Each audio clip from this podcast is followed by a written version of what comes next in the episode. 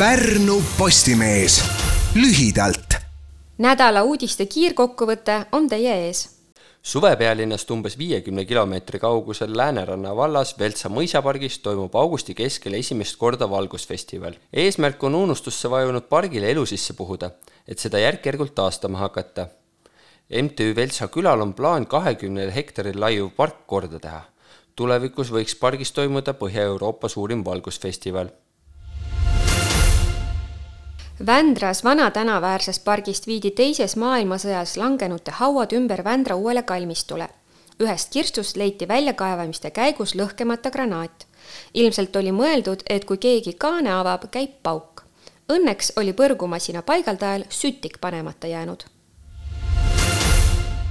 augusti keskpaigast võtavad Pärnu Endle teatrikohviku viieks aastaks enda kätte kosmosepoisid ehk Evari Tšetšin ja Marek Sild neli viimast aastat on mehed pidanud Jaagupi külas kohvikut Kosmos.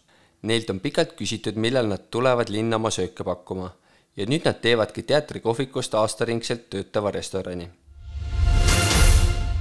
transpordiameti teenindusbürood avatakse nüüd neljapäeviti tund hiljem, varasema kella üheksa asemel kell kümme. muutuse põhjuseks on töötajate koolitused ja koosolekud, mis toimuvad igal neljapäeval tund enne uste avamist maakonna bussiliinid võivad juba uuel aastal Lätti pikeneda.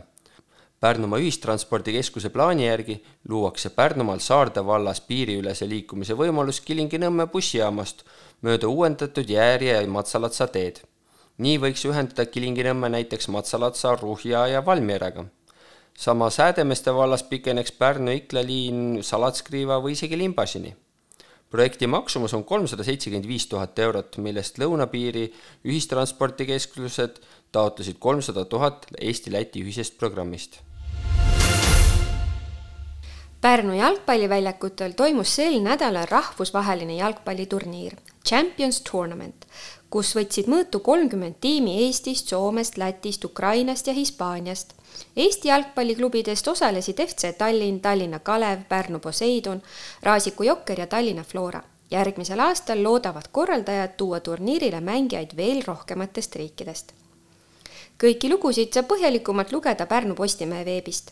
uudised valisid ja lugesid ette Kristo Niglas ja Siire Erala Pärnu Postimehest. Kuulmiseni! Pärnu Postimees lühidalt.